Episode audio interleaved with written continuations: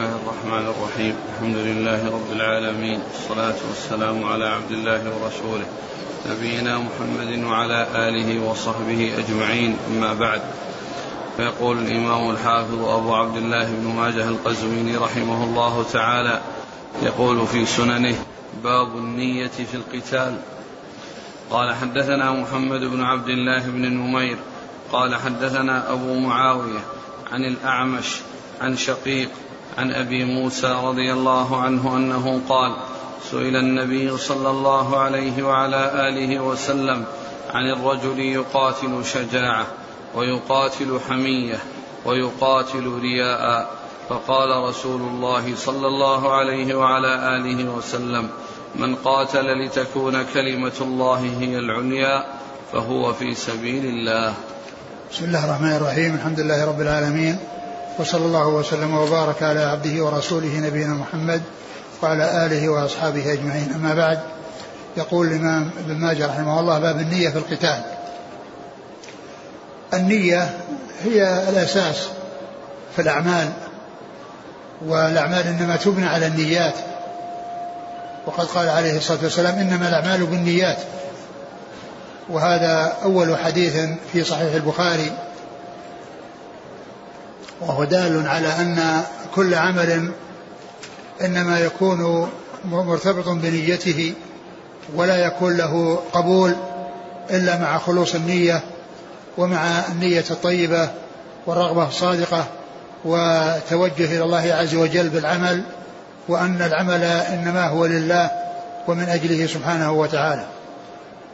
ثم ذكر حديث أبي موسى الأشعري رضي الله عنه أن النبي صلى الله عليه وسلم سئل عن رجل يقاتل شجاعة والرجل يقاتل حمية والرجل يقاتل رياء. أي ذلك في سبيل الله؟ فقال عليه الصلاة والسلام من قاتل لتكون كلمة الله هي العليا فهو في سبيل الله. الرسول عليه الصلاة والسلام سئل عن عدة أمور. أيها يكون في سبيل الله؟ فأخبر عليه الصلاة والسلام أن أن الذي في سبيل الله هو الذي يكون قصد صاحبه إعلاء كلمة الله. ونصرة دين الله وإظهار دين الله وإعزاز دين الله هذا هو الذي يكون آه الذي يكون لله. أما إذا كان من أجل أن يقال شجاع من أجل الشجاعة وإظهار الشجاعة أو عصبية وحمية لقبيلته وقرابته ومن له به علاقة لهم به, به علاقة له بهم علاقة أو كذلك رياء يراء الناس فكل هذا ليس في سبيل الله. الرسول عليه الصلاة والسلام لما سئل عن هذه الأمور الثلاثة أجاب بجواب هو الحق وكل ما سواه فهو باطل. أجاب بجواب هو الحق وكل ما عداه ليس بصحيح. وذلك في قوله من قاتل لتكون كلمة الله هي العليا فهو في سبيل الله. هذا هو الذي في سبيل الله. من كان قصده إظهار دين الله وإعزاز دين الله ونصرة دين الله وإخراج الناس من الظلمات إلى النور من كان قصده فهذا هو الذي في سبيل الله. أما إذا قاتل ليقال شجاع أو ليظهر الشجاعة وأنه من الشجعان أو أنه آه، يريد أن يمدحه الناس وأن آه، يراه الناس ويثنون عليه وهذا قصده أو كان من أجل الحمية والعصبية لقرابة أو قبيلة أو صداقة وما إلى ذلك فهذا كله ليس في سبيل الله. وإنما الذي في سبيل الله هو ما حصر به النبي صلى الله عليه وسلم الحكم وهو أن يكون آه، إنما هو لإعلاء كلمة الله. ومن قاتل لتكون كلمة الله هي العليا يعني دينه. يعني كلمة الله هي العليا هو دينه والحق الذي بعث به رسوله الكريم صلوات الله وسلامه وبركاته عليه. هذا هو المقصود بكون كلمة الله هي العليا. وقد وقد قال الله عز وجل وقاتلوهم حتى لا تكون فتنة ويكون الدين كله لله. نعم. قال حدثنا محمد بن عبد الله بن نمير. ثقة أخرج أصحاب الكتب. عن أبي معاوية. محمد بن حازم الضرير الكوفي ثقة أخرج أصحاب الكتب. عن الأعمش. سليمان بن مهران الكاهلي الكوفي ثقة أخرج أصحاب الكتب. عن شقيق. شقيق بن سلمة أبو وائل وهو ثقة مخضرم أخرج حديثه أصحاب الكتب الستة. عن أبي موسى. عن أبي موسى عبد الله بن قيس الأشعري رضي الله عنه وحديثه أخرجه أصحاب الكتب الستة. قال حدثنا أبو بكر بن أبي شيبة قال حدثنا حسين بن محمد قال حدثنا جرير بن حازم عن محمد بن إسحاق عن داود بن الحصين عن عبد الرحمن بن أبي عقبة عن أبي عقبة رضي الله عنه وكان مولا لأهل فارس قال شهدت مع النبي صلى الله عليه وعلى آله وسلم يوم أحد فضربت رجلا من المشركين فقلت خذها مني وأنا الغلام الفارسي.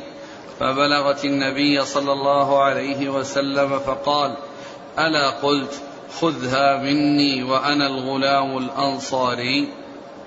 ثم ذكر هذا الحديث عن هذا الرجل الذي هو عقبة الذي آه، كان مولا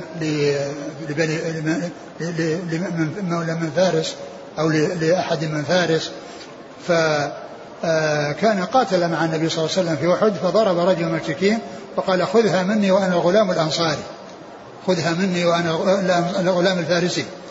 خذها مني وأنا الغلام الفارسي. فقال له النبي صلى الله عليه وسلم ألا قلت آه، وأنا الغلام الأنصاري. المقصود بالأنصاري الذين يعني آه، الأنصار هم الذين قاموا بنصرة الرسول صلى الله عليه وسلم. وقد اشتهر بإطلاقه على الموجودين في المدينة عند هجرة النبي صلى الله عليه وسلم إليها وأنهم آه، يلقبون يطلق عليهم هذا اللقب. وقد جاء ذلك في القرآن كالمهاجرين والأنصار. ف آه، فإذا النصرة هي اشتهرت أو الأنصار اشتهروا بأنهم من كان في المدينة من الأزد وهم الأوس والخزرج لأنهم نصروا الرسول عليه الصلاة والسلام ولكن الحكم لا يخصهم بل يشملهم ويشمل غيرهم. كل من قام بنصرة دين الله فإنه يعتبر من الأنصار. والمهاجرون جمعوا بين الهجرة والنصرة فهم مهاجرون وهم أنصار. وقد جمع الله لهم بين هذين الوصفين في سورة الحشر. قال للفقراء المهاجرين الذين أخرجوا من ديارهم وأموالهم يبتغون فضلا من الله ورضوانا وينصرون الله ورسوله أولئك هم الصادقون. وينصرون الله ورسوله. فجمعوا بين الهجرة والنصرة. ولهذا كانوا أفضل من الأنصار. لأن الأنصار باقون في ديارهم وقد نصروا الرسول صلى الله عليه وسلم. وأما أولئك تركوا ديارهم وتركوا بلادهم وتركوا أموالهم من أجل نصرة الرسول صلى الله عليه وسلم. من أجل نصرة الرسول عليه الصلاة والسلام. ولهذا فإن من أظهر دين الله أو سعى في إظهار دين الله يعني في ذلك الوقت في زمن الرسول صلى الله عليه وسلم فإنهم يعني آآ آه، آآ آه، علامة الإيمان حبهم وعلامة النفاق بغضهم.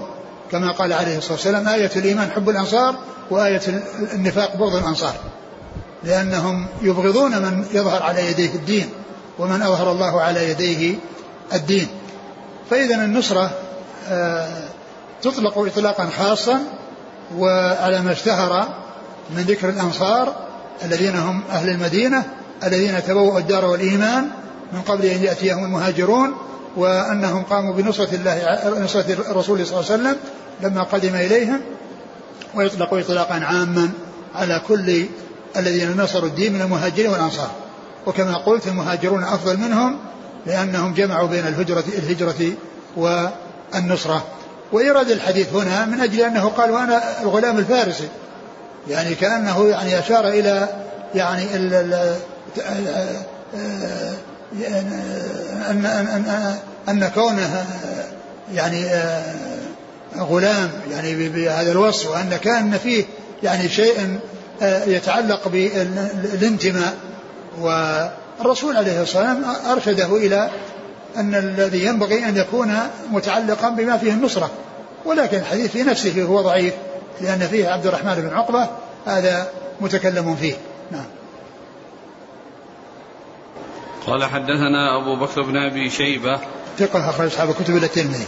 عن حسين بن محمد وهو؟ ثقة أخرج أصحاب الكتب. نعم. عن جرير بن حازم وهو ثقة أخرج أصحاب الكتب. عن محمد بن إسحاق وهو صدوق أخرجه البخاري تعليقا ومسلم وأصحاب السنن. عن داود بن الحصين وهو؟ ثقة أخرج أصحاب الكتب. نعم. عن عبد الرحمن بن أبي عقبة وهو مقبول. أبو داود بن ماجه. نعم. عن أبي عقبة أخرج له. أبو داود بن ماجه. نعم. يقول هل الدفاع عن الوطن يدخل في إعلاء كلمة الله.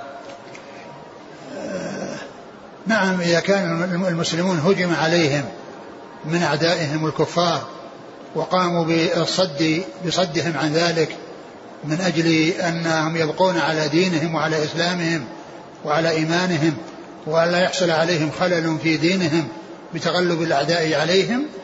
وكانوا أرادوا بذلك هذا الأمر فلا شك أنه من من من من, من, فإن ذلك محمود. لا شك أن ذلك محمود. وهذا هو الجهاد الذي آه، واجب على على العيان. لأنه عند هجوم العدو فإنه واجب على العيان وليس فرض كفاية. يقول بعض المقاتلين يسجلون ما فعلوا ويضعون هذا هذا التسجيل أو التصوير في شبكة الإنترنت فهل هذا يدخل في الرياء؟ لا شك أن مثل هذا يعني غير صحيح.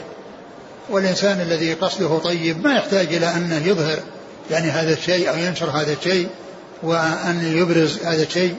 لا سيما استعمال التصوير وحصول ذلك عن طريق التصوير. فإن الإنسان الذي عنده إخلاص وعنده صدق لا يحتاج إلى أن يظهر مثل هذه الأشياء وأن يبرزها وكأن عمله إنما هو لهذا الشأن ولهذا الغرض. قال حدثنا عبد الرحمن بن إبراهيم قال حدثنا عبد الله بن يزيد قال حدثنا حيوة قال أخبرني أبو هانئ أنه سمع أبا عبد الرحمن الحبلي يقول إنه سمع عبد الله بن عمرو رضي الله عنهما يقول سمعت النبي صلى الله عليه وعلى آله وسلم يقول ما من غازية تغزو في سبيل الله فيصيبوا غنيمة إلا تعجلوا ثلثي أجرهم فإن لم يصيبوا غنيمة تم لهم أجرهم. ثم ذكر هذا الحديث عن عبد الله بن عمرو بن العاص رضي الله تعالى عنهما أن النبي صلى الله عليه وسلم قال ما من غازية تغزو فيحصلون غنيمة إلا تعجلوا ثلثي أجرهم وإذا لم يحصلوا شيئا استكملوا أجرهم. سبق أن مر بنا الحديث أن النبي عليه الصلاة والسلام أن من قاتل في سبيل الله فهو بين أمرين إما أن يحصل الشهادة وإما أن يرجع آه، بما رجع, بما, بما رجع به من أجر أو غنيمة. يعني فيكون بذلك حصل الأجر وحصل الغنيمة الدنيوية التي هي يعني هذا المال الذي هو من أحسن الأموال وخير الأموال. فقد قال عليه الصلاة والسلام جعل رزقي تحت ظل رمحي وجعل الذل والصغار على من خلف أمري. فالنبي عليه الصلاة والسلام يخبر بأن من حصل شيئا من الدنيا بهذا الغزو فإنه حصل شيئا من أجره. الدنيوي تعجل تعجل شيئا من الأجر. تعجل شيئا من الأجر ولكنه إذا لم يحصل شيئا فإنه يحصل الأجر كاملا. فإنه يحصل الأجر كامل. إذا لم يحصل غنيمة فإنهم يرجعون بالأجر كاملا. وإن حصلوا شيء من الغنائم فيكونون حصلوا أجر دنيوي وفائدة دنيوية وحصلوا أجرا أخرويا لكنه ليس مثل أجر الذين لم يحصلوا شيئا وأن كل ما حصل منهم إنما هو الجهاد في سبيل الله عز وجل. فإنهم يكونون بذلك استوفوا الأجر والثواب. الذي آه، عند الله سبحانه وتعالى. ولم يتعجلوا شيئا من أجرهم ومن آه، نتاج جهادهم. نعم. إراده تحت الباب. هذا من أجل من أجل النية لأن الإنسان قد يكون يعني قصده يعني الغنيمة وقد حصلها فيكون يعني حصل يعني الشيء الذي أراده. فيبدو والله أعلم أنه من أجل هذا من أجل النية وأن في فرق. يعني بين من ينوي الغنائم ويكون قصده الغنائم ومن يكون قصده إعلاء كلمة الله عز وجل. قال حدثنا عبد الرحمن بن إبراهيم. هو الملقب دحيم وهو ثقة أخرج له البخاري. وأبو داود والنسائي بن ماجه. نعم. عن عبد الله بن يزيد. هو المقري وهو ثقة أخرج أصحاب الكتب. عن حيوة. ابن شريح وهو ثقة أخرج له. أصحاب الكتب. نعم. عن أبي هانئ. وهو لا بأس به أخرج البخاري المفرد ومسلم وأصحاب السنن. نعم. عن أبي عبد الرحمن الحبولي وهو ثقة أخرج له. البخاري المفرد ومسلم وأصحاب السنن. نعم. عن عبد الله بن عمرو. رضي الله عنهما أحد العباد له الأربعة من الصحابة وأخرج حديثه أصحاب الكتب الستة. قال رحمه الله تعالى باب ارتباط الخيل في سبيل الله. قال حدثنا أبو بكر بن أبي شيبة قال حدثنا أبو الأحوص عن شبيب بن غرقدة عن عروة البارقي رضي الله عنه أنه قال قال رسول الله صلى الله عليه وعلى آله وسلم الخير معقود بنواصي الخيل إلى يوم القيامة. ثم ذكر بعد ذلك ارتباط الخيل في سبيل الله يعني يكون الإنسان يعدها ويهيئها ويقوم على إعلافها والعناية بها إعدادا للجهاد وتهيئة للجهاد. فإنه في هذه الحالة وفي هذا الوقت الذي هو معد لها أجره عظيم وثوابه جزيل. وقد جاء في ذلك أحاديث تدل على عظم الثواب لمن حصل منه ذلك. وذكر هذا الحديث عن عروة البارقي رضي الله عنه قال الخير معقود في نواصي الخير إلى يوم القيامة لأن هذه عدة الجهاد في سبيل الله وهي وسيلة الجهاد في سبيل الله. الخير معقود في نواصي الخير إلى يوم القيامة. ف فهذا يدل على فضل الخيل وعلى فضل ارتباطها في سبيل الله لأنها هي العدة آه التي آه آه تعد في سبيل الله. ولهذا قال ومن رباط الخيل ترهبون به عدو الله وعدوكم وأعدوا لهم من قوة ومن رباط الخيل. نعم. الخيل. وهذا يدل أيضا على بقاء يعني أن, أن الخيل أن أن أن أن, أن, أن, أن الانتفاع بها وأن كونه يجاهد عليها في سبيل الله أن هذا مستمر وأنه آه وأنه يبقى في يبقى في يعني آه يعني آه إلى نهاية الدنيا. يعني قال إلى يوم القيامة. ولا يعني ذلك أنه إذا حصل للمسلمين فترة من الفترات عندهم ضعف وعندهم هوان ولا عندهم قدرة على الجهاد ولإخراج الناس من الظلمات إلى النور لا يعني ذلك أن أن الخير انقطع. ولكن الجهاد بالخيل مستمر. ولهذا جاء في بعض الأحاديث أن الخيل في آخر الزمان يقاتل عليها وأنه يجاهد عليها يقاتل بالسيوف ويقاتل بالخيل كما ثبتت في ذلك الأحاديث عن النبي عليه الصلاة والسلام في آخر الزمان. فقوله إلى يوم القيامة يعني معنى ذلك أن الفائدة منها والجهاد عليها أنه لا ينقطع وينتهي بمعنى أنه لو حصل في بعض الفترات أنه لم يكن الجهاد حاصلا عليها فإن الجهاد سيحصل عليها.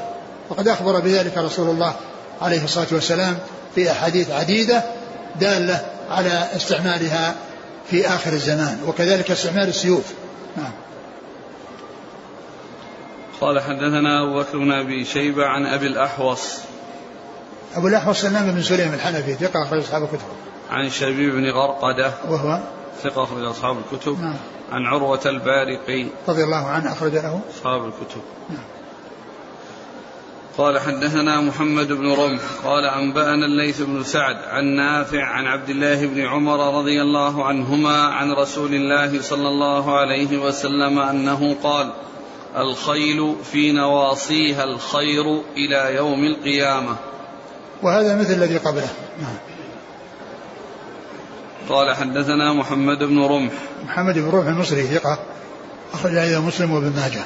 عن الليث بن سعد. المصري ثقة أخرج أصحاب الكتب. عن نافع بن عمر. نافع مولى بن عمر ثقة أخرج أصحاب الكتب.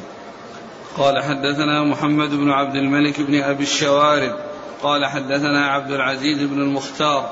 قال حدثنا سهيل عن أبيه عن أبي هريرة رضي الله عنه أنه قال قال رسول الله صلى الله عليه وعلى آله وسلم الخيل في نواصيها الخير.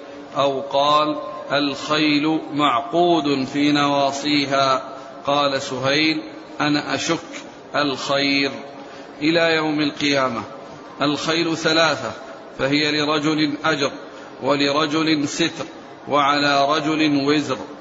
فأما الذي هي له أجر فالرجل يتخذها في سبيل الله عز وجل ويعدها فلا تغيب شيئا في بطونها إلا كتب له أجر.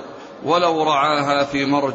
ما أكلت شيئا إلا كتب له بها أجر. ولو سقاها من نهر جار كان له بكل قطرة تغيبها في بطونها أجر. حتى ذكر الأجر في أبوالها وأرواثها. ولو استنت شرفا أو شرفين كتب له بكل خطوة تخطوها أجر. وأما الذي هي له ستر فالرجل يتخذها تكرما وتجملا ولا ينسى حق ظهورها وبطونها في عسرها ويسرها. وأما الذي هي عليه وزر فالذي يتخذها أشرا وبطرا وبذخا ورياء للناس فذلك الذي هي عليه وزر. ثم ذكر هذا الحديث عن أبي هريرة الذي هو مثل الذي قبله فيما يتعلق بالخيل معقود فيه نواصيها الخير إلى يوم القيامة. ولكن فيه هذه الزيادة التي فيها توضيح عظيم الأجر والثواب لارتباط الخير في سبيل الله. وقال إن الناس بالنسبة للخيل والذين يعني يقتنونها آه، هي يعني ثلاثة أصناف أو هي لثلاثة أشخاص أو لثلاث فئات من الناس. من الناس من هي له أجر ومنهم من هي له ستر ومنهم من, من هي عليه وزر. ثم ذكر من, هي من, هو من الذي هي له أجر. فهو الذي ربطها في سبيل الله وهيأها في سبيل الله وأعدها للجهاد في سبيل الله. فكان يقوم بخدمتها وعنايتها ورعايتها والإحسان إليها. فكل ما تغيبه في بطونها من طعام من علف أو من شراب فإنه يكون له بذلك أجر.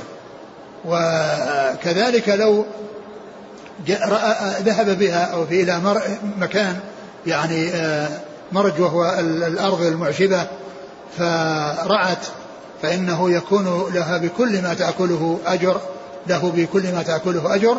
ولو أنه استنت شرفا أو شرفين بمعنى أنها ركضت وأسرعت وليس عليها راكب ولكن لمرحها ول يعني تنعمها والخدمة للعناية بها وكون صاحبها يعني وفر لها كل ما فيه قوتها ونشاطها. فكلما استنت يعني شرفا أو شرفين يعني يعني راحت يعني أسرعت يعني ليس جهادا وإنما لكونها في هذا المكان الذي هي متنعمة فيه فيحصل منها القيام أو حصول هذا العمل فإنه بكل خطوة تخطوها يكون له فيه أجر. اقرأ, اقرأ الحديث. فأما الذي هي له أجر فالرجل يتخذها في سبيل الله عز وجل ويعدها. فلا تغيب شيئا في بطونها إلا كتب له أجر. يعني مهمته أنه يعدها للجهاد في سبيل الله. فلا تغيب شيئا في بطونها سواء كان علفا أو ماء. كل ما تدخله في جوفها فإنه له به أجر. فلا تغيب شيئا في بطونها يعني من طعام أو شراب إلا وكان له به أجر. نعم. ولو رعاها في مرج ما أكلت شيئا إلا كتب له بها أجر. ولو رعاها في مرج يعني في أرض معشبة وأرض خضراء فيها النبات الجيد والنبات المفيد. فإن كل ما تأكل من هذا من هذا من هذا المرج ومن هذه الأرض المعشبة فإنه يكون له بهذا الذي تأكله أجر. ولو سقاها من نهر جار كان له بكل قطرة تغيبها في بطونها أجر. وهذا أيضا كذلك يعني لو سقاها من نهر جار يعني ما تعب على استخراج الماء ولا تعب في جلب الماء لها وإنما ماء يجري ومرت به وشربت فإن الله تعالى يثيبه على ذلك لأنه قد هيأها وأعدها للجهاد في سبيل الله. وهذا كله تفصيل لما تقدم في قوله كل ما تغيبه في بطنها. كل ما تغيبه في بطنها كل, كل هذا تفصيل له. نعم. حتى ذكر الأجر في أبوالها وأرواثها. حتى ذكر الأجر في أبوالها وأرواثها إذا حصل منها يعني حصول هذا الروث وحصول هذا الأبوال بسبب تنعمها وبسبب آه، آه، آه، الإحسان إليها وبسبب تغذيتها فما تأكله وما تخرجه كل ذلك يكون له فيه أجر. ولو استنت شرفا أو شرفين كتب له بكل خطوة تخطوها أجر. نعم يعني استنت يعني بنفسها بمعنى أنها ركضت وأسرعت ولتنعمها وتمتعها وحصول آه، آه، آه، الغذاء الجيد لها. فيحصل عندها اللعب والمرح وتركض وتستن يعني شرفا أو شرفين يعني يعني تذهب مسافة فإن كل خطوة تخطوها بهذا الاستنان يكون له فيه أجر. وأما الذي وهذا التي ليس عليها راكب يعني لتستن بنفسها ليس عليها راكب. نعم. وأما الذي هي له ستر فالرجل يتخذها تكرما وتجملا. الرجل الذي يأخذها تكرما يعني يستفيد منها وتجملا بها لأنها من الجمال. والله عز وجل ذكر ان ان ان ان, في هذه الأنعام أنها فيها زينة وأن فيها جمال ولكم فيها جمال حين ترحون وحين تصحون والخيل والبغال والحمير تركبوها وزينة فالذي يتخذها للقنية ولاستفادته منها وكونه يستفيد منها في حاجاته وفي أموره هذا هي له ستر. له ستر وفيه غني عن الناس واستفادة يعني بماله وبخيله يعني في أموره الخاصة بأن ينتقل عليها من مكان إلى مكان. أو يستعملها في أي حاجة من حاجاته فهي ستر. فيها آه، استغناء عن الناس واستغنى عن الحاجة إلى الناس لأنه استفاد بماله واستخدام ماله. نعم. وأم آه، ولا ينسى حق ظهورها وبطونها في عسرها ويسرها. لا ينسى حق ظهورها وبطونها في عسرها ويسرها. يعني أنه لا ينسى أن يعني آه آه، أن يفيد غيره أيضا منها إذا احتاج إليها وكذلك بطونها في آه، كونه آه، يعتني في في في تغذيتها في حال العسر وفي حال اليسر يعني في حال اليسر يعني لا يقصر عليها وفي حال العسر أيضا كذلك يجتهد في تنميتها وفي حصول التغذية الكافية لها. سواء كان العشب كثير والخير كثير أو سواء كان قليلا. لا ينسى أن يستفيد ويفيد ولا ينسى أن يفيدها هي وأن يحرص على تغذيتها على حسب العسر وعلى حسب اليسر. إذا كان اليسر فيكثر لها من الغذاء وفي حال العسر لا يقصر وإنما يأتي بالشيء الذي يكون به قوتها وبه حياتها ونشاطها. وأما الذي هي عليه وزر فالذي يتخذها أشرا وبطرا وبذخا ورياء للناس. هذا هو الذي عليه وزر لأنه اتخذها بنية سيئة ما اتخذها لاستخدامها ولا لتهيئتها للجهاد في سبيل الله وإنما أخذها أشرا وبطرا ورياء و فإنها تكون عليه وزر يعني بهذه النية السيئة. وبكونه آه، آه، آه، حصلها لهذا الغرض ولهذه المهمة. قال حدثنا محمد بن عبد الملك بن أبي الشوارب. صدوق أخرج له. مسلم والترمذي والنسائي بن ماجه. نعم. عن عبد العزيز بن المختار. وهو ثقة أخرج له. أصحاب الكتب. نعم. عن سهيل. سهيل بن أبي صالح وهو صدوق أخرج أصحاب الكتب. وروايته عند البخاري مقرون. عن أبيه عن أبي هريرة. أبوه أبو صالح ذكوان السمان ثقة أخرج أصحاب الكتب. نعم. جاءت الأسئلة بتربية الخيل في هذا الوقت مع أنه ليس وقت قتال وجهاد. هل يحصل الإنسان على هذا الأجر المذكور؟ إذا كان يربيها بهذا الغرض وهو أنه إذا إذا جاء الجهاد في سبيل الله فإنه يستخدمها في ذلك فهو لا شك على أجر. هل يدخل في ذلك الادخار أو الاستعداد بكل آلة من آلات تصلح للجهاد؟ يعني مثلا الآن الذي يعد السلاح. إعداد السلاح يعني في هذا الزمان يعني آه، فيه مشاكل وفيه بلاء. يعني من كثير من الناس كون السلاح يقع في أيديهم هذا فيه أضرار. لكن الخيل التي ورد فيها الحديث هذه لا, لا إشكال يعني في في خيرها وفي كون الخير معقودا فيها وأنه لا يحصل يحصل للناس ضرر يخشى من ورائها. وأما اتخاذ السلاح لبعض الناس وانفلات الأمور في أن كل يفعل فإن هذا يؤدي إلى محاذير ويؤدي إلى أخطار عظيمة ويؤدي إلى تدمير وإفساد في الأرض. فالخيل الأمر فيها واضح لأن ما يترتب عليها مضرة وأما يعني الأمور الأخرى التي هي آه، قد تستعمل في الإفساد فهذه آه، يخشى من ورائها المضرة. يسأل الإخوة يقول هل تقاس السيارات على الخيل السيارات كما هو معلوم يعني ما هي من وسيلة من وسائل الجهاد في سبيل الله. يعني هي الآن هي تستخدم في حاجات الناس. والإنسان الذي يستخدمها هي هو من من جسمها جاء أنها له له له, له ستر. هي له ستر لأنه استخدمها في حاجاته وفي مصالحه وقد ينفع بها أحد من الناس فيحسن إليهم. ولكن آه، ما هو الناس الآن؟ ما يعدونها. تستخدمون السيارة إعدادا للجهاد في سبيل الله. أبدا. نعم. ثم أيضا الحديث ورد في الخيل وانها باقيه إلى قيام الساعة.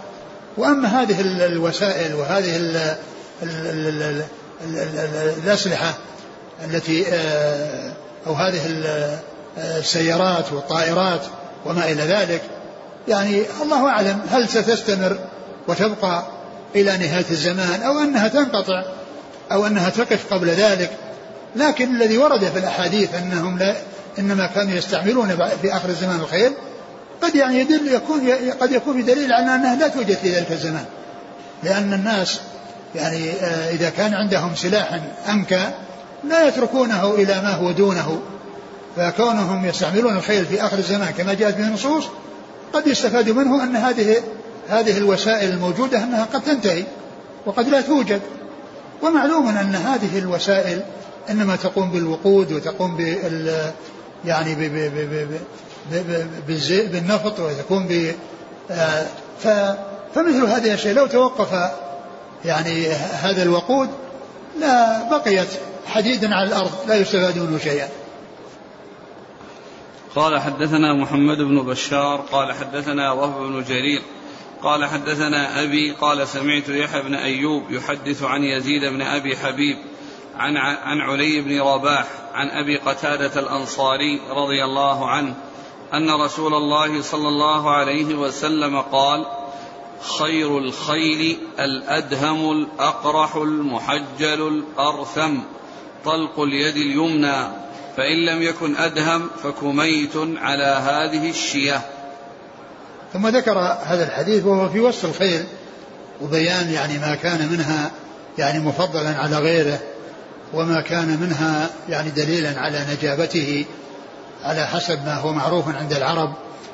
فأورد ابن آه، آه، ماجه هذا الحديث قال خير الخيل الأدهم. الأدهم يعني الأدهم الأسود.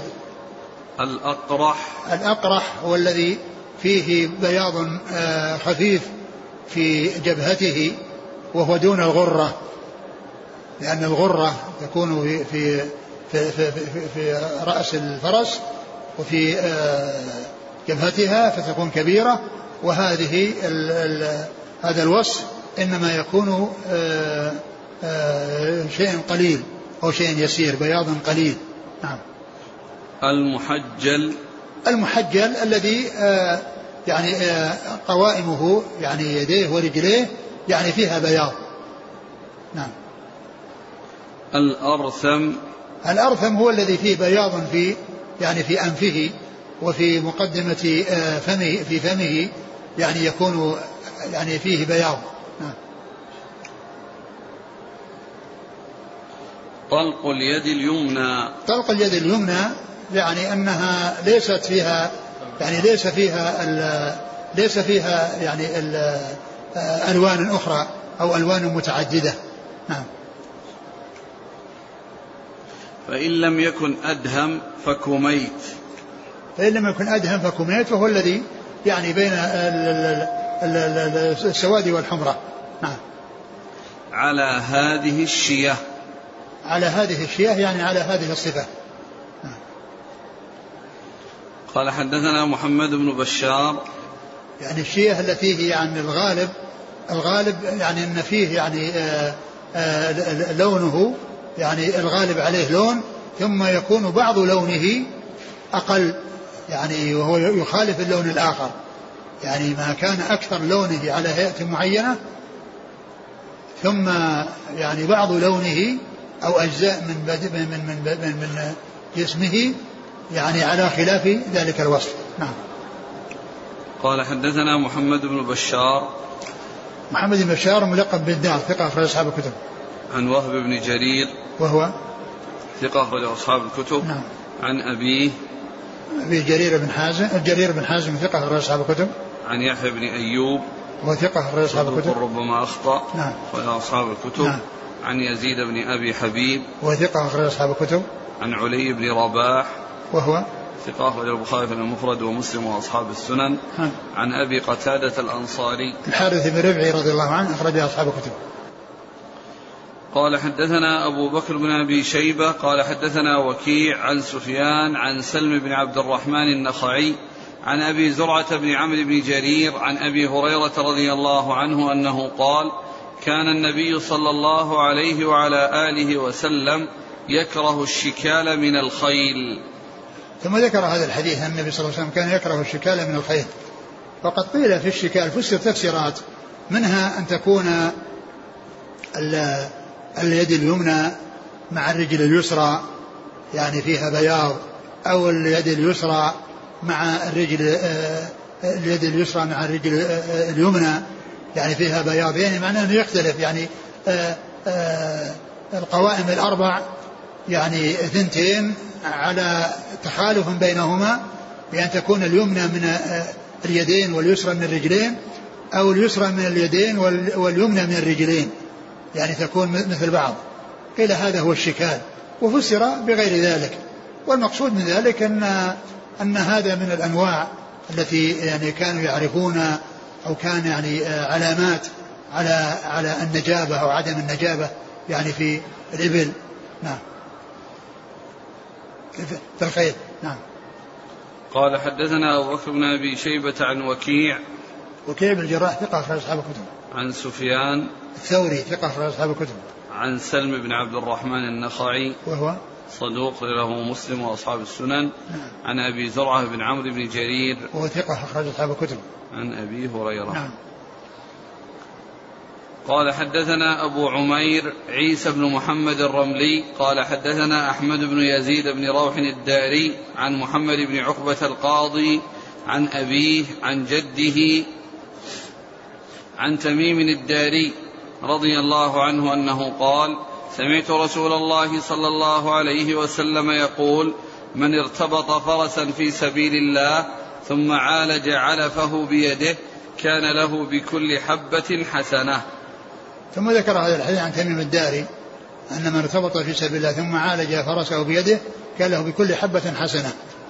يعني هذا يعني يدل على كل إنسان يتولى العناية به بنفسه. يعني أن هذا أكمل وأولى من أن يتولاه غيره لأن فعله بنفسه ومباشرة ذلك بنفسه يدل على عنايته وعلى اهتمامه وأنه لا يكله إلى أحد قد يقصر يعني في في فيه لأنه إذا فعل ذلك بنفسه اطمأن إلى أنه آآ آآ قام بما هو مطلوب منه فيكون في ذلك فيكون ذلك أعظم بأجره وثوابه. نعم. قال حدثنا أبو عمير عيسى بن محمد الرملي هو؟ ثقة أخرج أبو داود النسائي بن ماجه. نعم. عن أحمد بن يزيد بن روح الداري وهو؟ مستور أخرج له ابن ماجه. نعم. عن محمد بن عقبة القاضي. وهو؟ مجهول أخرج له ابن ماجه. نعم. عن أبيه. وهو؟ مجهول أخرج له ابن ماجه. نعم. عن جده. وهو؟ قال أنه البصيري يقول وجده مجهول والجد لم يسم. وذكر أنه روي من طريق طاهر بن روح عن جده روح بن زنباع. آه. يروي عن من؟ عن تميم الداري نعم روح بن زباع إيش قال فيه؟ لم يترجم له الحافظ آه. تميم الداري صحابي أخرج له البخاري تعليقا ومسلم ومسلم السنة نعم اللي مر معنا زنباع بن روح سابقا نعم زنباع بن روح إيه؟ وه- وه- وهنا ذا إيش قال؟ اسمه إيش؟ هنا يقول روح بن زنباع آه. قال في ترجمة زنباع صحابي له حديثان خالد والد روح. قال أبو الأشبال مترجم في التاريخ الكبير. نعم. حديث صححه الشيخ. نعم. يمكن للمتابعات ولا ولا الاسناد يعني فيه عدد من الضعف فيه المستور وفيه المجهولان. يعني مستور وهو مجهول الحال والمجهول الذي هو بدون ما ينص على الحال يعني هو مجهول العين. نعم. قل البوصيري رواه الطبراني في المعجم نعم. الصغير. نعم الشيخ عزاه إلى الطبراني. روض النظير. آه، اللي هو هذا وهو الذي فيه وهو الذي فيه الرجال اللي يحتج بهم ذكر من رواية عبد الله بن شوذب نعم. عن إبراهيم بن أبي عبلة نعم. عن روح بن زنباع عن تميم الداري. مم. قال وهذا إسناد لا بأس به وهو أحسن من سند ابن ماجه. قال رحمه الله تعالى باب القتال في سبيل الله سبحانه وتعالى. قال حدثنا بشر بن آدم قال حدثنا الضحاك بن مخلد قال حدثنا ابن جريج قال حدثنا سليمان بن موسى قال حدثنا مالك بن يخامر يخامر عن معاذ بن جبل أنه سمع النبي صلى الله عليه وسلم يقول من قاتل في سبيل الله عز وجل من رجل مسلم فواق ناقة وجبت له الجنة. ثم ذكر باب باب القتال في سبيل الله وذكر هذا الحديث يعني بيان فضله وعظيم أجره وأن مباشرته وحصول آه، فعله أن فيه الأجر والثواب من الله عز وجل. وذكر هذا الحديث عن معاذ رضي الله عنه أن النبي صلى الله عليه وسلم قال من قاتل في سبيل الله فواق ناقة وجبت له الجنة. الجنة. وفواق ناقة فسر بأنه ما بين الحلبتين يعني إذا حلبها ثم آه، عاد إلى حلبها فإن هذه المدة أو المسافة التي بين بين الحلبتين يقال لها فواق وفسر يعني بشيء يعني آه، آه، قليل وبشيء كثير. قيل إنه بين يعني كونه يحلب ثم بعدين يحلب مرة ثانية وهو في نفس الوقت يعني فيكون المسافة قصيرة كونه يعني يحصل منه جذب الحليب بيده ثم بعد ذلك يجذبه مرة ثانية فتكون المسافة بينهما قصيرة. وفسر بين الحلبتين بأن يكون آه، يعني بين أن يحلبها آه، ثم يرجع إلى حلبها مرة أخرى. وفسر بأن يكون ذلك في الغدو والعشي. و آه، والحاصل أن أن أن أن أن, أن المسافة ولو كانت قليلة أو المدة وإن كانت يسيرة والإنسان يقاتل فيها في سبيل الله فإن ذلك آه، يكون ثمرته ونتيجته أنه آه، يكون من أهل الجنة. قال حدثنا بشر بن آدم. هو؟ صدوق فيه لين أخرجه أبو داود والترمذي والنسائي في مسند علي وابن ماجه. نعم. عن الضحاك بن مخلد. وهو أبو عاصم النبيل ثقة أخرج أصحاب الكتب. عن ابن جريج. ابن جريج عبد الملك بن عبد العزيز بن جريج ثقة أخرج أصحاب الكتب. عن سليمان بن موسى. وهو؟ صدوق في حديثه بعض لين. أخرجه مسلم في المقدمة وأصحاب السنن. نعم. عن مالك بن يخامر. وهو؟ مخضرم. أخرجه البخاري وأصحاب السنن. عن معاذ بن جبل. رضي الله عنه أخرج أصحاب الكتب. قال حدثنا أبو بكر بن أبي شيبة. قال حدثنا هذا عبد الذي قال أبو سيرين بن زوايد ولا غيره؟ قال أبو سيرين شيء على هذا الحديث؟ لا. ها؟ لا. نعم في حديث ذكره ومع أنه في الصحيحين. الذي هو راح ولا سيأتي؟ ما هو؟ أمس نبهتم عليه. لا لا حديث آخر اليوم. إذا استغفرتم فانفروا حق أمس لا هذا غير. هذا اليوم هذا. كلام قصير فيه البوصيري يعني كلمتين وثلاث قال إسناده صحيح كذا أو؟ ما مر ما في شيء. نعم. الذي مر لا. الذي يأتي هو الذي فيه. فيه كلام قصير؟ أي. نعم. قال حدثنا أبو بكر بن أبي شيبة قال حدثنا عفان قال حدثنا ديلم بن غزوان قال حدثنا ثابت عن أنس بن مالك رضي الله عنه أنه قال حضرت حربا فقال عبد الله بن رواحة رضي الله عنه يا نفس ألا أراك تكرهين الجنة؟ أحلف بالله لتنزلنه طائعة أو لتكرهنه ثم ذكر هذا الحديث عن في شعر ابن رواحة عبد الله بن رواحة رضي الله عنه قال إيش؟ أقسمت ألا يا نفس ألا أراك تكرهين الجنة. يا يا نفس ألا ألا أراك تكرهين الجنة. يعني معناه تكره الموت. لأن الموت هو الذي يؤدي إلى الجنة. والإنسان بينه المجاهد في سبيل الله يعني بينه وبين الجنة الموت. هو الحد الذي يفصل يعني بين الدنيا والآخرة وينتقل من من من من العنى والنصب الذي يكون في الدنيا إلى النعيم الذي في الجنة. وقد ثبت في الحديث في صحيح مسلم عن وهو أول حديث في كتاب الزهد أن النبي عليه الصلاة والسلام قال الدنيا سجن المؤمن وجنة الكافر. الدنيا سجن المؤمن وجنة الكافر. نعم. أحلف بالله لتنزلنه.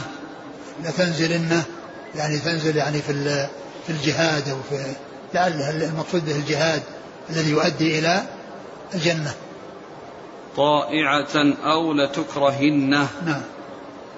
قال حدثنا أبو بكر بن أبي شيبة عن عفان. عفان بن مسلم الصفار. ثقة أخرج أصحاب الكتب. عن ديلم بن غزوان. وهو؟ صدوق خير ابن ماجه. نعم. عن ثابت عن أنس. ثابت بن أسلم البناني ثقة أخرج أصحاب الكتب. قال حدثنا أبو بكر بن أبي شيبة. قال حدثنا يعلى بن عبيد. قال حدثنا حجاج بن دينار. عن محمد بن ذكوان عن شهر بن حوشب عن عمرو بن عبسة رضي الله عنه أنه قال أتيت النبي صلى الله عليه وعلى آله وسلم فقلت يا رسول الله أي الجهاد أفضل؟ قال من أهري قدمه وعقر جواده. ثم ذكر هذا الحديث عن عمرو بن عبس رضي الله عنه أنه سأل النبي صلى الله عليه وسلم الجهاد أفضل؟ قال من اهري قدمه وعقر جواده. يعني معنى ذلك أنه أصيب في سبيل الله فاهرق دمه وعقر جواده يعني فحصل له هذا وهذا وذلك لأنه في الغالب يكون بسبب الإقدام وبسبب النكاية بالعدو فإنه يصيبه الأعداء ويصيبون فرسه يعني يصيبونه ويصيب يصيبون فرسه حيث يعني يحصل الالتحام ويحصل الإقدام. نعم. قال حدثنا أبو بكر بن أبي شيبة عن يعلى بن عبيد. هو؟ قنافس ثقة أخرج أصحاب الكتب. نعم. عن حجاج بن دينار. وهو؟ لا بأس به رجل أصحاب السنن. نعم. عن محمد بن ذكوان. وهو؟ ضعيف رجل ابن ماجه. نعم. عن شهر بن حوشب. وهو؟ صدوق كثير الإرسال والأوهام نعم. البخاري المفرد ومسلم وأصحاب السنن. نعم. عن عمرو بن عبسة. أخرج له؟ مسلم وأصحاب السنن. نعم. قال حدثنا بشر بن آدم وأحمد بن ثابت الجحدري. قال حدثنا صفوان بن عيسى. قال حدثنا محمد بن عجلان عن القعقاع بن حكيم عن أبي صالح عن أبي هريرة رضي الله عنه أنه قال قال رسول الله صلى الله عليه وعلى آله وسلم ما من مجروح يجرح في سبيل الله والله أعلم بمن يجرح في سبيله إلا جاء يوم القيامة وجرحه كهيئته يوم جرح. اللون لون دم والريح ريح مسك. ثم ذكر هذا الحديث أنه ما من مجروح يجرح في سبيل الله إلا جاء يوم القيامة وجرحه على هيئته لما جرح. يعني معناه أنه يسيل الدم ولكن على هيئة حسنة وعلى هيئة طيبة. اللون لون الدم والريح ريح المسك. اللون لون الدم والريح ريح المسك. نعم. قال حدثنا بشر بن آدم وأحمد بن ثابت. أحمد بن ثابت الجحدري هو؟ صدوق إلى ابن ماجه. نعم. عن صفوان بن عيسى. وهو؟ ثقة البخاري تعليقا ومسلم وأصحاب السنن. نعم. عن محمد بن عجلان. صدوق أخرجه البخاري تعليقا ومسلم وأصحاب السنن. عن القعقاع بن حكيم. وهو؟ ثقة البخاري المفرد ومسلم وأصحاب السنن. نعم. عن أبي صالح عن أبي هريرة. نعم. هذا الذي قال فيه. إسناد صحيح ورجاله ثقات. نعم هذا صحابي ابنه أبو هريرة. أبو هريرة. نعم هو موجود في الصحيحين. موجود في الصحيحين بألفاظ مقاربة. فيها يعني بعضها كلم يعني بدل الجرح. قال حدثنا محمد بن عبد الله بن نمير قال حدثنا يعلى بن عبيد قال حدثني إسماعيل بن أبي خالد قال سمعت عبد الله بن أبي أوفى رضي الله عنه يقول دعا رسول الله صلى الله عليه وسلم على الأحزاب فقال اللهم منزل الكتاب سريع الحساب اهزم, الأح اهزم الأحزاب اللهم اهزمهم وزلزلهم. ثم ذكر هذا الحديث في دعاء النبي صلى الله عليه وسلم على الأحزاب وتوسل إلى الله عز وجل بكونه منزل الكتاب وأنه سريع الحساب. فسأله أن يهزم الأحزاب وأن يزلزلهم. فهذا دعاء من أدعية الرسول عليه الصلاة والسلام في الجهاد في سبيل الله. نعم. قال حدثنا محمد بن عبد الله بن نمير. ثقة أخرج أصحاب الكتب. عن يعلى بن عبيد عن إسماعيل بن أبي خالد. ثقة أخرج أصحاب الكتب. عن عبد الله بن أبي أوفى. رضي الله عنه أخرج أصحاب الكتب. قال حدثنا حرملة بن يحيى وأحمد بن عيسى المصريان. قال حدثنا عبد الله بن وهب. قال حدثني أبو شريح عبد الرحمن بن شريح أن سهل بن أبي أمامة بن سهل بن حنيف حدثه عن أبيه رضي الله عنه عن جده رضي الله عنه أن النبي صلى الله عليه وسلم قال من سأل الله الشهادة بصدق من قلبه بلغه الله منازل الشهداء وإن مات على فراشه. ثم ذكر هذا الحديث عن سهل بن حنيف رضي الله عنه أن من سأل عن النبي صلى الله عليه وسلم قال من سأل شهادة بصدق بلغه الله منازل الشهداء وإن نام على فراشه. يعني معناه أن كون الإنسان عنده نية طيبة وعنده حرص على الجهاد في سبيل الله وأن يحصل الشهادة في سبيل الله وكان عنده آه، القصد الطيب والعزم الصادق ولكنه لم يحصل له ذلك في الجهاد في سبيل الله فإن الله يبلغه منازل الشهداء وإن مات على فراشه بما حصل منه من الرغبة والنية الطيبة والصدق في الرغبة فإنه يحصل ذلك وإن مات على فراشه. يعني يحصل منازل الشهداء. يعني لا يكون شهيدا ولكن يحصل منازل الشهداء. وهذا من جنس الذين يموتون على فرشهم أو يعني آه، يحصل لهم آه، الموت بسبب ليس آه، في المعركة ليس شهادة في المعركة وقد وصفوا بأنهم شهداء. في فإن هذا إنما هو بالأجر والثواب. لكن لا يعامل معاملة الشهداء بأنه لا يغسل ولا يصلى عليه. وإنما يغسل ويصلى عليه. وقد ذكر النووي في كتاب رياض الصالحين باب بابا فقال باب ذكر جماعة من الشهداء في ثواب الآخرة ويغسلون ويصلى عليهم يعني ثم ذكر أحاديث فيها ذكر آه، آه، آه، من حصل كذا منه فهو شهيد ومن فعل كذا فهو شهيد ومن قتل دون ماله فهو شهيد. وأورد أحاديث متعددة في هذا. فالمقصود من ذلك تحصيل الأجر والثواب. وإلا فإنه لا يعامل معاملة الشهداء. يعني شهداء المعركة. قال حدثنا حرملة بن يحيى. المصري وهو صدوق أخرج له. مسلم والنسائي بن ماجه. نعم. وأحمد بن عيسى. أخرج له. صدوق البخاري ومسلم. نعم. وأحمد بن عيسى المصري صدوق غير البخاري ومسلم والنسائي بن ماجه. نعم. عن عبد الله بن وهب. وهو المصري ثقة في أصحاب كذا عن أبي شريح عبد الرحمن بن شريح. وهو؟ ثقة أخرج أصحاب الكتب. نعم. عن سهل بن أبي أمامة بن سهل بن, شح بن حنيف. وهو؟ ثقة أخرج له مسلم وأصحاب السنن. نعم. عن أبيه. أبو أمامة بن سهل بن حنيف وقيل له رؤية أخرج له أصحاب الكتب. عن جده. سهل بن حنيف رضي الله عنه أخرج له. أصحاب الكتب. نعم. باب فضل الشهادة. كم حديث فيه؟ خمسة أحاديث. والله تعالى أعلم وصلى الله وسلم وبارك على عبده ورسوله نبينا محمد وعلى آله وأصحابه أجمعين. جزاكم الله خيرا وبارك الله فيكم ألهمكم الله الصواب ووفقكم للحق. ونفعنا الله بما سمعنا وغفر الله لنا ولكم وللمسلمين أجمعين. آمين, آمين. يقول السائل سؤال الشهادة يكون بالنية فقط أو بدعاء الله تعالى لذلك؟ يكون بالنية وبالدعاء.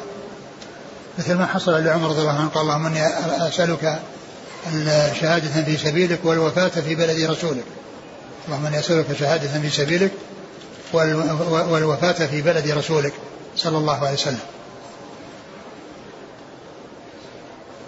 الحديث اللهم منزل الكتاب ومجري السحاب. هل هذا الدعاء خاص بأن يدعى به في الجهاد؟ لأن البعض يدعو به كذلك في القنوت. لا هو كونه يعني يؤتى به التوسل و يعني يدعى به على الأعداء يعني وأن يهزم الله الأعداء أيا كانوا حتى لو لم يكن هناك قتال. من أصيب بالمعركة وجرح لكن لم يمت إلا بعد أيام بسبب ذلك الجرح هل يعامل معاملة شهيد المعركة؟ لا ما يعامل إذا كان أنه يعني مضى مدة ثم يعني آه، مات بسبب ذلك لا, لا يعامل معاملة شهيد المعركة لأنه لا يغسل ولا يصلى عليه بل يغسل ويصلى عليه يقول هل القتال والقتل بالقذائف والصواريخ يعد من الإحراق المنهي عنه؟ ليش؟ القتل والقتال بالقذائف والصواريخ. إذا كان, إذا كان الأعداء يعني يستعملون ذلك فمقابلتهم به آه، آه، أمر مطلوب. وكيف يعني يتركونهم؟ يدمرون. يدمرون آه، المسلمين ويعني لا يفعلون ذلك معهم. لكن إذا كان أنه ما فيه يعني حصول ذلك وإنما يكون بأمور على سبيل المقابلة بأن يقتل المقاتلة وأن غير المقاتلة لا يقاتلون هذا هو الذي ينبغي. لكن إذا حصل منهم أنهم يستعملون هذا السلاح ويرسلونه للناس من بعد وكونهم يرسلون آه، لهم مثل ذلك آه، لا بأس به. لكن إذا كان هذا سيكون في تأثير. أما إذا كان المسلمين يحصل منهم يعني شيء لا يؤثر ثم يقابله الكفار والأعداء بالتدمير الذي لا نهاية له فهذا ليس من الحكمة. يقول من كان يقيم في بلد لا يستطيع إظهار دينه فيه وأراد الهجرة فهل تجب عليه نعم فهل يجب عليه أن يستأذن والديه في الانتقال والهجرة؟ الواجب عليه إذا كان لا يستطيع إظهار دينه أنه يهاجر هو ووالده. يهاجر من بلاد الكفر إلى المسلمين حتى يتمكنوا من إظهار دينهم هو ووالداه يهاجر هو, هو, هو يهاجر بهما معه. ما يهاجر ويتركهم. يقول بيت مبني من مال ربوي. فهل لي أن أستأجره من صاحبه؟ إذا كان صاحب البيت يعني إنما حصله بربا وكان ما يعرف حكم الربا ولكنه بعد ذلك علم فإن استعماله إياه لا بأس به. كونه يعني يستعمله لا بأس به. والإنسان يعني إذا وجد غيره ما دام مستأجرا ويعرف أن فيه يعني محذور في شبهة دع ما يريبك إلى ما لا يريبك. وإن آه، استأجر فيه فإنه لا بأس بذلك. يقول هل للموظف الحكومي المدرس مثلا إذا أذن له رئيسه في عدم المجيء لعدم الحاجة إليه في نظر الرئيس هل له عدم المجيء والعمل في جهة أخرى؟ إذا كان الإنسان آه، موظف فعليه أن يقوم بهذه الوظيفة. وكيف يكون موظف ولا يحتاج إليه؟ إذا كان لا يحتاج إليه ينقل إلى مكان يحتاج إليه. أقول يعمل أو يعملون يعني يعمل مرجعه أو أو بالاتفاق مع مرجعه إلى أن يتحول إلى مكان يعمل فيه. أما كونه يبقى هكذا بس يستلم الراتب ولا يؤدي عملا هذا لا, لا يصلح لأن الراتب في مقابل العمل. لكن إذا كان هذا مثلا حصل فترة يعني قصيرة أو انتظار شيء فهذا لا بأس به. أما يكون هذا مهمته أنه زايد وأنه رخص له أنه آه، لا يحضر وقد يكون يسعى في مثل ما جاء في السؤال أنه يعني يعمل أو يبحث عن عمل آخر فيضم يعني ما يحصله في هذا العمل الجديد إلى ذلك الراتب الذي يأخذه من غير عمل يقابله فلا فلا يفعل.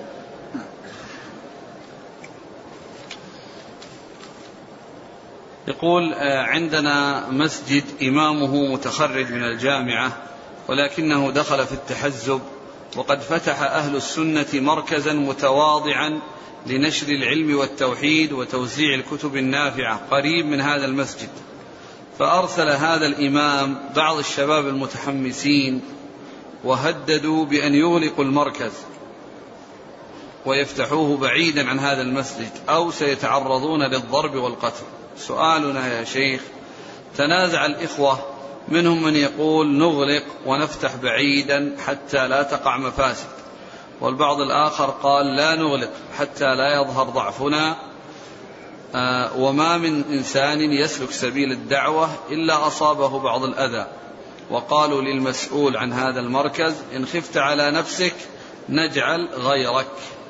فما توجيهكم يا شيخ؟ المناسب أنك أنكم تحرصون على هدايته وعلى استقامته قبل كل شيء لأن هذا هو الذي ينبغي. كونكم تحرصون على على على, على أن يستقيم وعلى أن يسلك الصراط المستقيم وأن يكون على منهج صحيح تعنون بهذا بأنفسكم أو آه، تتصلون بمن قد يؤثر عليه.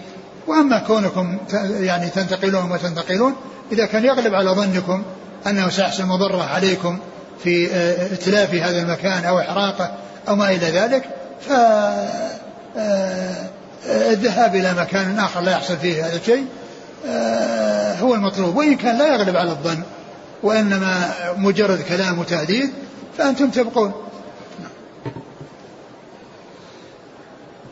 يقول رجل وجد قطعة معدن فظنها أنها من نحاس فتركها عنده غير مهتم بها ثم بعد ثمانية أشهر تأكد أنها من ذهب ونسي المكان الذي وجدها فيه.